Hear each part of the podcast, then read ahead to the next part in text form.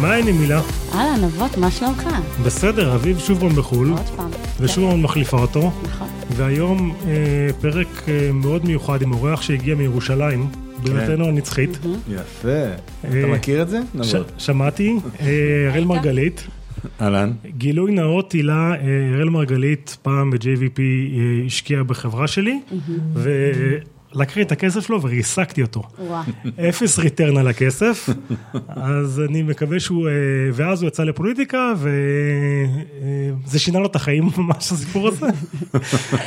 רצה אני- הפסקה. כן, אז, אה, אז זה ההיסטוריה שלי עם אה, JVP. מה שלומך? על הכיפאק. מה נשמע? איך בקיבוץ? ביגור? אה, כבר לא ביגור אה, 20 שנה כמעט. נו בסדר, אז מה? אבל אתה בקיבוץ נראה לי יותר ממני. אימא שלך וזה, ומה מה- קורה? מה קורה עם מפעל השימורים והכל? הכל בסדר? אין, לא שידוע לי שיש בעיות. אה, תגיד לי, JVP, כמה, אחת הקרנות הראשונות בישראל, נכון? כן. אני הקמתי JVP ב-93, אחרי שעבדתי עם טדי קולק שלוש שנים בירושלים.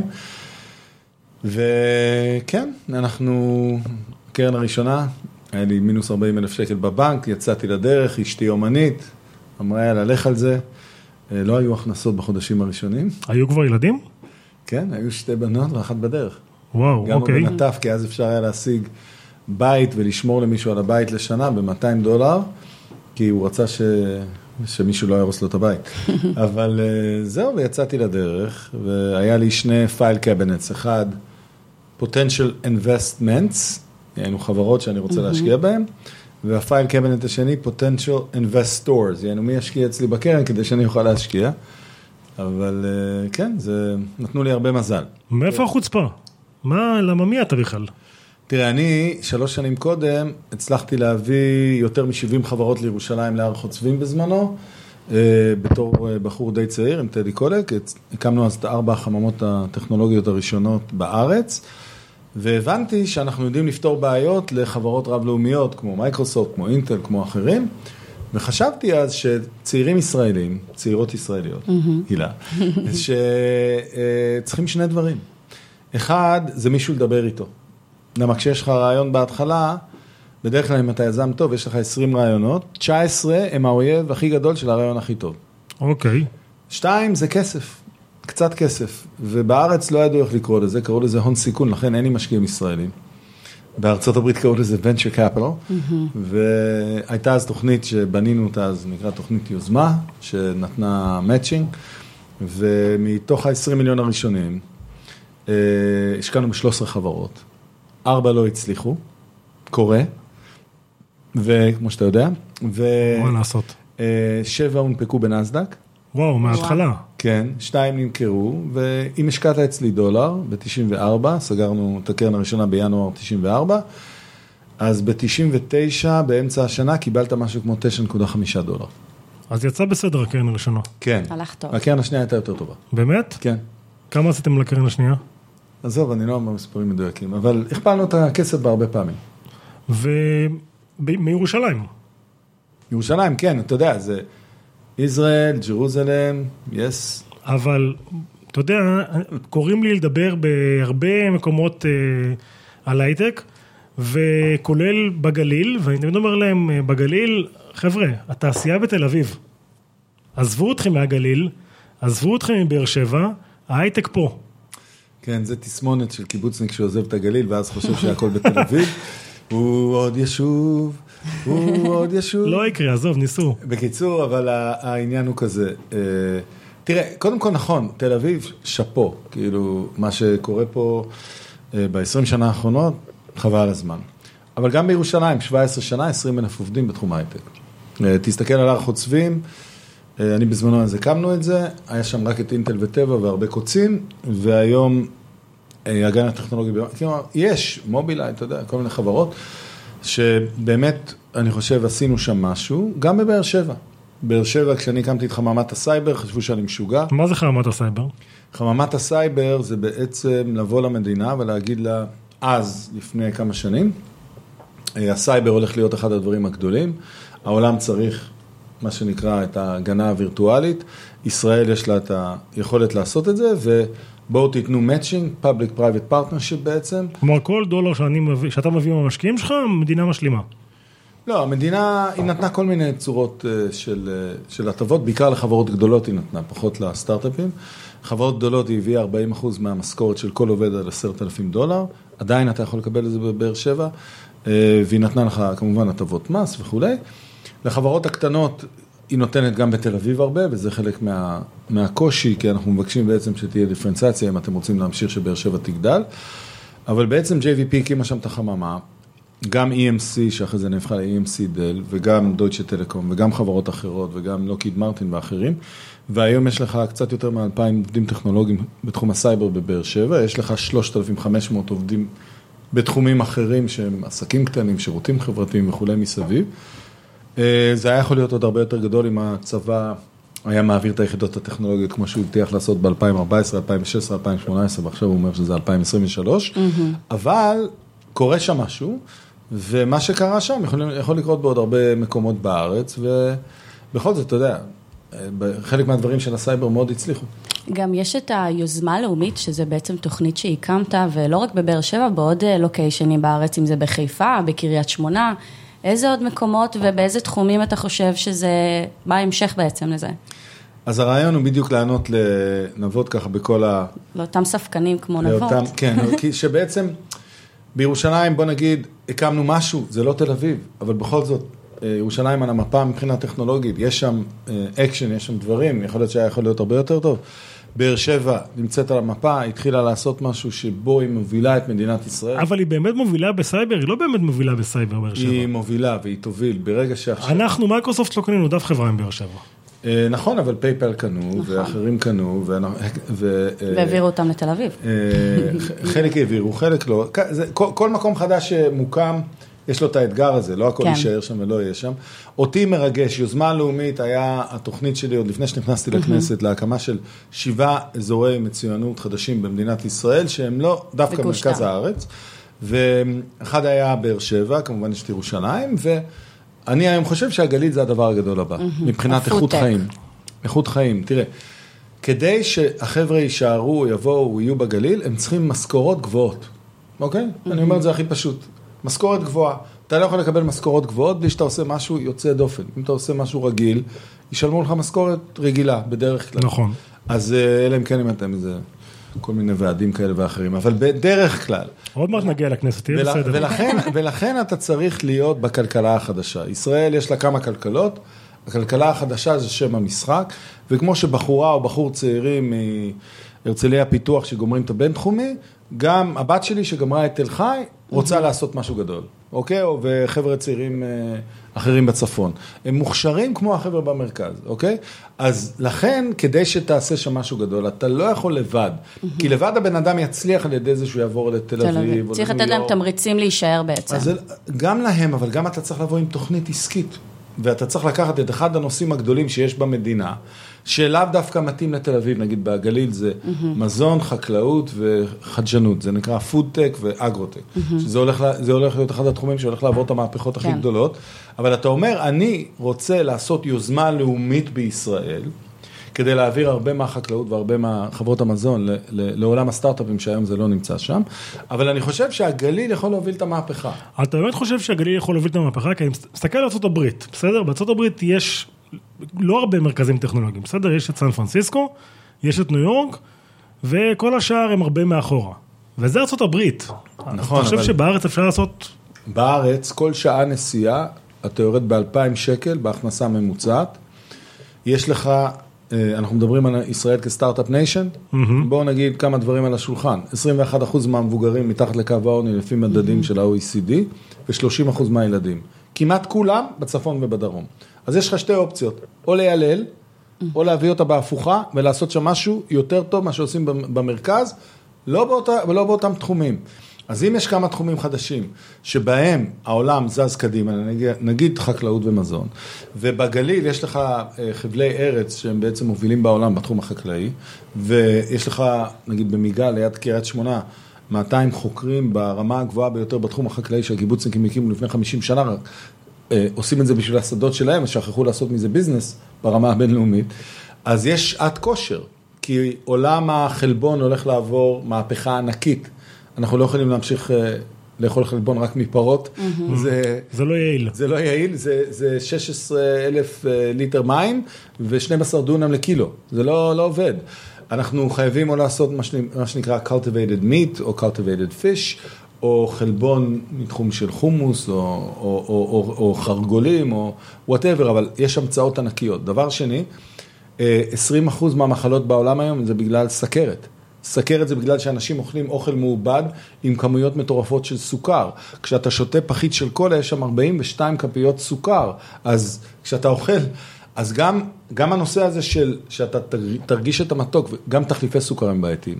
אז אתה חייב אסטרטגיות שבהן אתה מרגיש את המתוק, אבל אין כל כך הרבה סוכר. אבל הראל, למה זה התפקיד שלך? למה זה לא המדינה? זה, קודם כל, אני חושב כמו, כמו יזם של מדינה. אבל ניסית להיות במדינה. אבל זה, אבל כמה אני שנים היית... אבל, אבל, אני, אבל אני עשיתי את זה כל הזמן, גם בירושלים, את המהפכה הזאת. אז לא עשינו את זה בגלל שמישהו שם בממשלה ישב וחשב על זה, עשינו את זה מתוך איזשהו סוג של מנהיגות מקומית וחבר'ה צעירים שרצו לקחת את העניינים. כמה שנים היית חבר כנסת?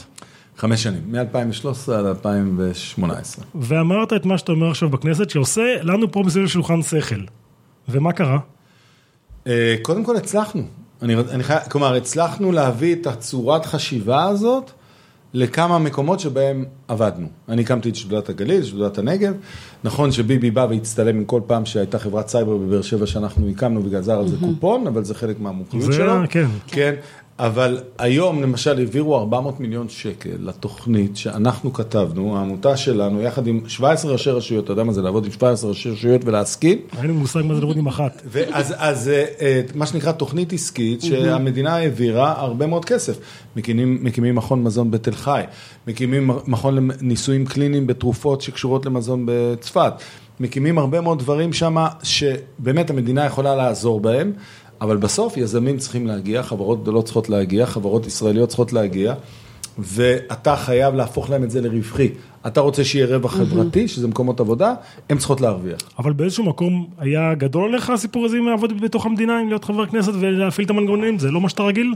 אני חושב ש... אתה רגיל לעבוד בקצב אחר? כן, אני חושב שלהיות חבר באופוזיציה, אחד כמוני, יכול לעשות את זה איקס שנים. ואחר כך אני כמו אה, מרק ספיץ שמנסה לעשות אה, 100 מטר פרפר, או אה, פלפס שמנסה לעשות 100 מטר פרפר בבריכה של הקטנים. זה אי אפשר לשחות. כאילו בסוף כדי לעשייה, אתה צריך להגיע לתפקיד אקזקיוטיבי. נו, לא יכולתי לסגור דיל עם ביבי, היה מסדר לך מקום שביעי בליכוד, היית זה. כן, לא, לא רק בליכוד, הייתי יכול לסגור עוד כמה דילים, לא רציתי. האמת היא ש... בנט, היה מסדר לך איזה משהו בירושלים. כן, בקיצור... אבל מה בכל זאת מהתקופה שהיית בפוליטיקה, אפשר לומר שלמדת ואתה לוקח את זה איתך לקרן הון סיכון? כן, אני כן חושב שגם ממשלה ובעיקר civil servants, האנשים שמנהלים את המשרדים של הממשלה, שאנחנו לא מעריכים אותם מספיק כן. בדרך כלל, הם אנשים שברגע שאתה בא אליהם עם תוכנית מסודרת ועם מספיק אנשים שמוכנים לעבוד עליה, ועם דברים שיש להם היגיון, הם מוכנים ללכת איתך. Mm-hmm. מוכנים ללכת איתך. לתת איזשהו סנס. ואני חושב שלא אמרנו את ה... לא אמרנו את המילה האחרונה בכל הדבר הזה, גם ברמה הפוליטית, כמו ש... אתה תחזור לפוליטיקה? אני לא יודע אם אני אחזור לפוליטיקה, אני, אם מישהו יש לו ג'וק פוליטי, הוא לא עוזב. הוא יכול היום לעשות משהו אחר, לא בתוך הפוליטיקה, אבל אני עדיין עושה את הדברים הציבוריים שהאמנתי בהם. דרך אגב, חלק משיתופי הפעולה הגדולים שהיו לי גם אז, לא רק בתוך המדינה, אלא גם עם מדינות ערביות. Mm-hmm. קיימים. היום הרבה יותר נוח לי. היום הרבה יותר נוח לי לעשות משהו מאוד משמעותי עם איזה מרוקו. איזה מדינות למשל? עם אוקיי. מרוקו, אה, בתחום של חקלאות, בתחום mm-hmm. של מים, בתחום של אה, מה שנקרא Healthcare IT, שזה השילוב בין רפואה לבין, לבין כן. דאטה. גם עם מדינות כמו דובאי, mm-hmm.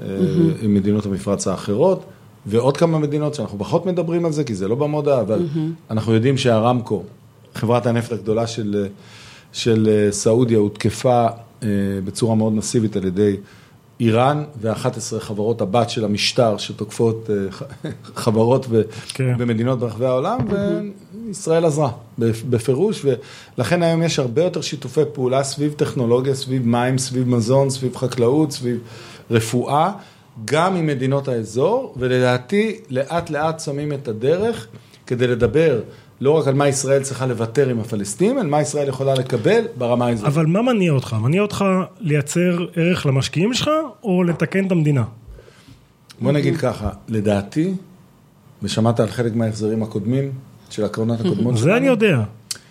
לדעתי הקרן הנוכחית וההשקעות שאני עושה עכשיו, הולכת להיות הקרן שבה אנחנו נעשה את החברות הכי גדולות שעשינו. אתה מבין שזה הולך להיות הכותרת של כלכליסט, כן? מה גודל הקרן? לא, בינתיים סגרנו רק סגירה ראשונה, שזה 170 מיליון. 170 מיליון, כלומר אה, לא, אני- מיליארד נקודה שבע.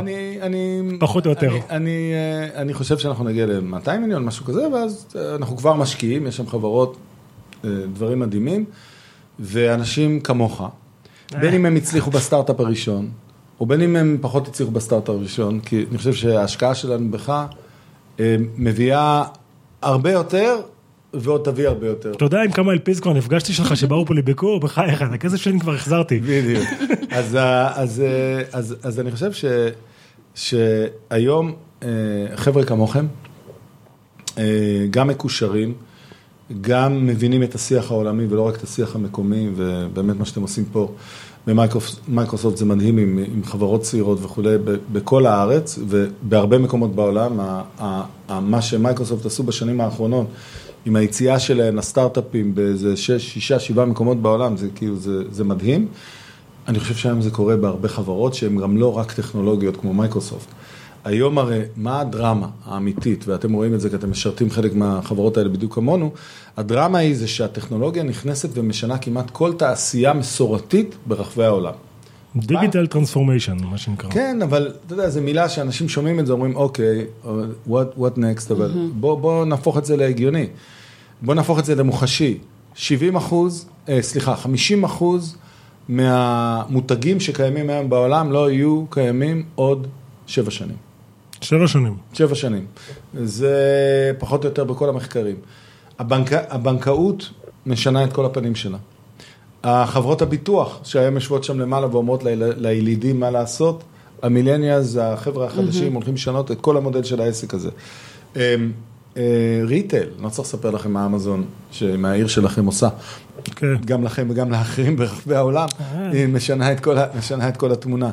אמ, כמעט כל תחום, אה, רפואה, רפואה זה מדהים לראות כמה התחום הענק הזה, מצד אחד נכנסו בו טכנולוגיות אה, כאלה ואחרות, מצד שני רוב התחום הוא, ה-IT עוד רק מגרד את הקצה. אבל אני מסתכל, הסתכלתי קודם על הפורטפוליו של JVP, חברות IT, חברות IT וסייבר, לא מה שאתה מדבר, תסתכל על ההשקעה הראשונה שלנו בקרן שמונה, נאנית. עם המצלמה של התינוקות. בדיוק, חברה שלוקחת את ה-artificial intelligence ו-computer vision, משתמשת בזה כדי לעקוב אחרי רמת השינה של תינוקות ולתת לך מידע על ה-wellness ולהורים את האפשרות לישון ביחד כמשפחה ולדעת איך התינוק.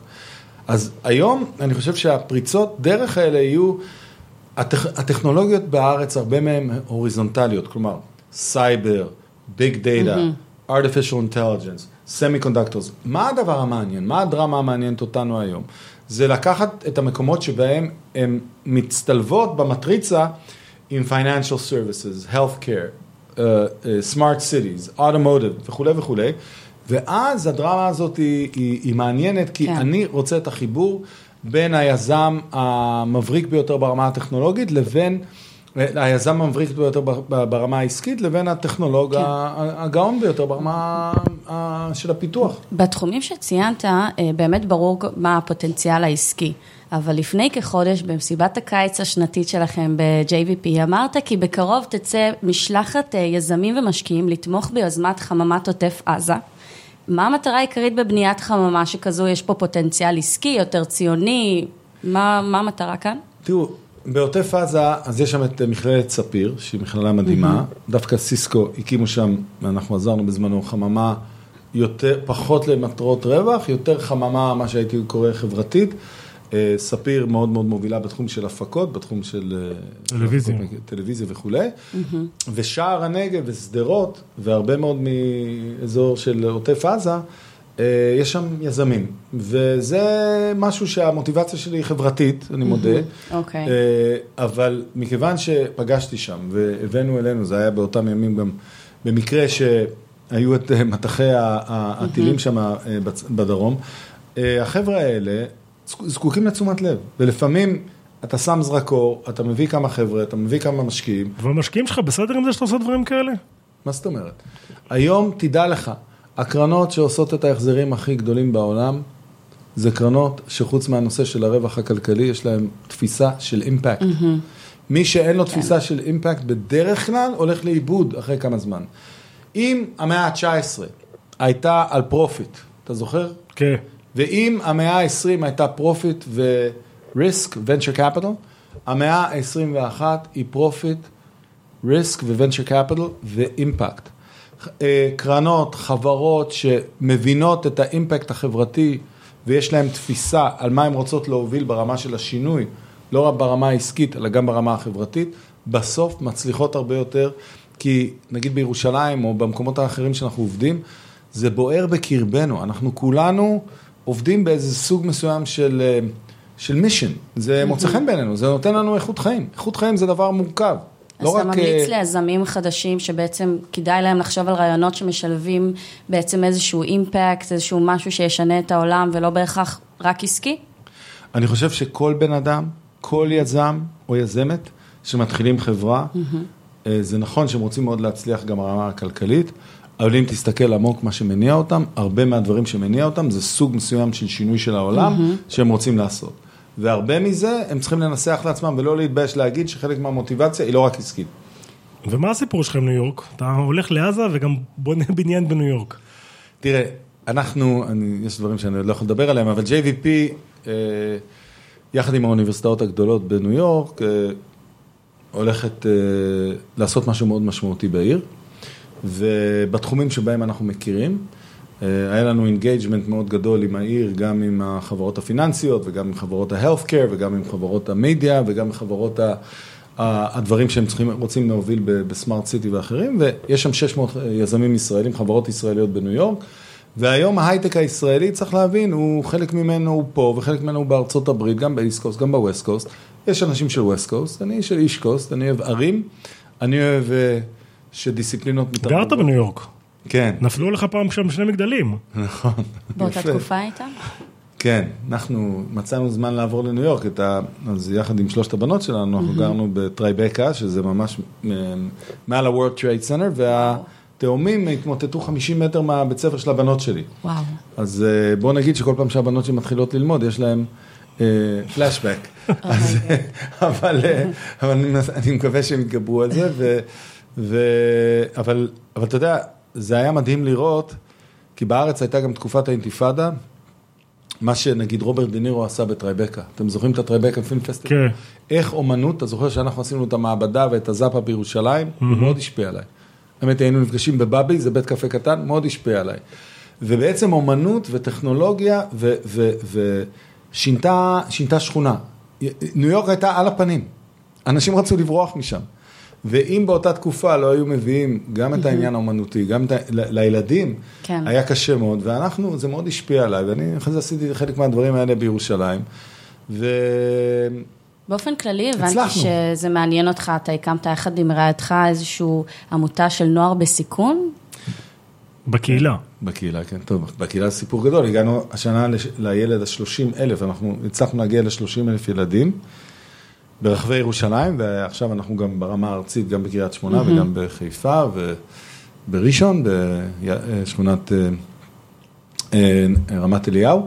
ואנחנו בעצם, יחד עם 50 שינשינים בשנה, כל השנים האלה, אה, מגיעים בארבע קומונות. ומצליחים, mm-hmm. ארבע, זה, זה הולך, זה ארבעה בתי ספר ומתנ"ס באמצע, אבא שלי היה מנהל מתנ"ס, אמא שלי הייתה מורה, אז ככה אני עובד. ו... נבות, אמא שלך מנהלת בית ספר הייתה, נכון? אה, היא הכירה את אמא שלו. אה, ככה. הראל במקור מקיבוץ נען, שזה הקיבוץ של אמא שלי. אה, אוקיי, מכאן החיבור. אוקיי. בדיוק. בסוף, בסוף זה הדברים, זה כאילו, אמא שלך מורה, אז אתה רואה את הדברים בצורה מאוד מסוימת. קודם כל אתה מחכה שיוציאו אותך מהכיתה כל הזמן. אבל, ובעצם עשינו... ברגע שילד מקבל חוויה של הצלחה, כן. והאמת היא שזה יותר קל, זה יותר קל ממה שחושבים, במתמטיקה, בעברית, באנגלית, בערבית, אנחנו לומדים בבית צפאפא ובעין רפא, אז הוא פתאום הוא מאמין בעצמו. האמת היא שהאתגרים היותר גדולים זה להוציא חלק מהילדים לטיול שנתי, שהרבה מהם לא יוצאים. האמת היא שהאתגרים היותר גדולים זה שהרבה מהילדים האלה אפילו לא מביאים סנדוויץ' לבית ספר, כאילו אנחנו חיים במאה ה-21. מה החלומות של ילדים כאלה? שהילדים האלה גדלים בבית ספר, מה החלום שלהם? ב- בדיוק, זה, זה, הרעיון הוא לשנות את החלום שלהם, כאילו, כי בהתחלה הרפרטואר של להצליח, להיות הייטקיסט, להיות מדען, להיות אה, קומפוזיטור, להיות, אני יודע מה, להיות שותף ב- בעשייה של מדינת ישראל, זה לא, הם רואים את השכונה, והשכונה הרבה פעמים, כש, כשקשה מאוד, היא, נקודת המבט שלך היא מאוד הגנתית. מה, אז רוצים להיות חיילים? יכול להיות, הם באים ל-JVP, הם עושים יזמות, הם עושים את הצגות הסוף שנה שלהם בזאפה, במעבדה, הם נפתחים, והם הם בעיקר דרך השינשינים, השינשין או השינשינית היא כמו אחות גדולה. אז בעצם יש לך רול מודל, יש לך מישהו שאתה כמוהו, יש לך מין אח גדול כזה שמצליח, שהולך, אתה נשאר איתו בקשר. זה עושה, זה עושה נפלאות. מה התחושה שזה עושה לך בעצם? זה עושה לי... האמת, זה הסטארט-אפ הכי מוצלח שהיה לי. באמת? כן, זה, כן. ושוב, כמה שעות עובד ביום? אנחנו עובדים, יש אנשים טובים, מה אתה חושב שרק אני עובד? אנחנו עובדים, חבר'ה. מישהו בסוף הדבר צריך לעשות דו דיligence על חברה להשקעה. צריך לפגוש אותך. אני כרגע עושה ש- ש- שלושה דו דיליג'נסים על חברות וואי וואי וואי, שפשוט אני, אני, אני, זה, שניים מהם זה יזמים, אה, מה שנקרא. וכמה זמן לוקח היום דו דיligence ב-JVP? יותר מדי, צריך לקצר. כמה? כמה? דבר, אבל כמה? עכשיו יש כמה חבר'ה בבוסטון שעושים על איזושהי חברה ישראלית, כן, זה לוקח זמן. אנחנו צריכים כי אתה. נורא עסוק. זה כאילו... לא, לא, רוב- החבר'ה, אתה יודע, יש אצלנו, אה, יש אצלנו חבר'ה צעירים שהם היום, ה, הם היום הדבר הגדול הבא, הם אה, לוקחים אחריות על הרבה מאוד מהדברים. אנחנו מדברים, אנחנו מובילים, מובילים כיוונים, אבל יש אצלנו, ה- ה- הכוח עובר הרבה מאוד לצעירים. כן, אתם, אתם עושים בקרן את השיפט הזה של הפאוור? ממש, כי הרי ממש. הקרנות שהתחילו איתך ב-93, לא, לא, לא. הרבה מהם נסגרו, כי לא היה שם את השיפט הזה. תשמע, יש אצלנו, זה מדהים לראות את החבר'ה הצעירים. יש מדהים. לי שאלה, יש הבדל בין היזמים של 93 ליזמים של היום? כן, הבדל של שמיים וארץ. היזמים של 93, בעיקר עשו דברים ביטחוניים שחשבנו איך לאזרח אוקיי. אותם. היזמים של היום מכירים את העולם. ופעם הוא השקיע בחברות עם האות C, אם אני לא טועה, לא? זה היה, יפה, זה היה הצלחה. Chromatis הייתה 4.9 מיליארד, כן. אה, CyOptics הייתה 440 מיליון, ו-Cogent אה, וואו. 2.7 מיליארד, אז אה, כן, זה אה, עשה לי מזל, אז אה, חשבנו ש-C זה, זה, זה, זה אות טובה. אני צריך איזה אות חדשה, לא? משהו חדש. אולי בעברית, לא יודע. לא, לא, תשאר באנגלית, פה אנחנו נתחייג. כל ה- כל ה-12 ההנפקות שאני עשיתי היו בנסדק. בתל אביב לא יצא לנו. אז טוב, הילה, שאלה האחרונה, כי את בת מסודרת עם שאלות ואני מאלתר. בהחלט. אה, אז האמת היא ששמעתי שאתה גם מעורב אה, בצרפת, בפריז יש לכם אה, משרד. האם זה מגיע ממקום באמת אפילו ציוני, לשלב את החברות, לעזור להם להתרחב? מה מה המטרה בלשלב את פריז? אז קודם כל חברות ישראליות אחרי שלונדון עשתה ברקזיט, צריכות מקום חדש באירופה כדי להתרחב. אוקיי. מקרון הוא חבר טוב שלנו, ואנחנו מכיר, אני מכיר אותו שנים. נפגשתם לפני כמה זמן? כן, כמה פעמים, הרבה פעמים, ואז אה, שילמו אה, אה, מס על אופציות לעובדים של 70 אחוז. כן. המלצנו לו להוריד את זה ל-25, הוא הסכים על 30, אמרנו יאללה. היה פה משא ומתן. אבל קודם כל תשימו כסף בישראל, ואנחנו שמחים שממשלת צרפת השקיעה בנו, אנחנו מרגישים שזה כבוד, ויש הרבה צרפתים ישראלים, ישראלים צרפתים, יש, הציר הזה כרגע הוא מאוד חזק, ולפחות חצי מהיזמים המובילים בצרפת הם אנשים שקשורים לישראל, אז למה לא? ועל כן. מה דיברת עם ג'ק מה? מה? היה לך פגישה, לפחות הצטלמתם ביחד. מה זה הצטלמנו? מה היו איתנו כמה ימים? רוב הזמן זה לא היה בצילום. קודם כל, נתתי לו פרזנטציה על ההיסטוריה של עם ישראל ו-35 המנכ"לים שלו בתמונות. אוקיי. אבל אחר כך דיברנו על חלק מהדברים הגדולים הבאים שאפשר לעשות ביחד, ואני חושב שלמרות שיש מתח היום בין ארה"ב לבין סין, אני חושב שדווקא התפקיד של ישראל זה למצוא את אותם נושאים שבהם אפשר לעבוד ביחד, גם עם הסינים, גם עם האמריקאים. ו- וגם ברמה האישית הוא היה מישהו שמאוד אדיב, נחמד, איך אתה יכול ככה לתאר אותו? מדהים, באמת, מדהים, צנוע, כן. המבל, מספר על עצמו, לא עושה מעצמו רק סיפור הצלחה, מספר גם על הכישלונות שלו, ומקשיב, ויזם, יזמת צעירה, אה, הוא התייחס אליהם כמו כאילו דברי תורה, והאמת היא שהם התרגשו הכי הרבה מיוכי ברנדס, שדיברה איתם על מה זה מדרש. וואו. באמת? כן. יש לך אותו בוויצ'אט? בטח. נו, ברור, מה? כאילו, איך אפשר לא? איך אפשר לא? בוא נשלח הודעה קולית אחרי זה. טוב, הילה, נגמר לנו הזמן, זהו? לצערי. איזה כן. באסה. הפרק, אה, אריאל, תדע לך, הוא זמין בכל אפליקציות הפודקאסטים, בכלכליסט, בספוטיפיי.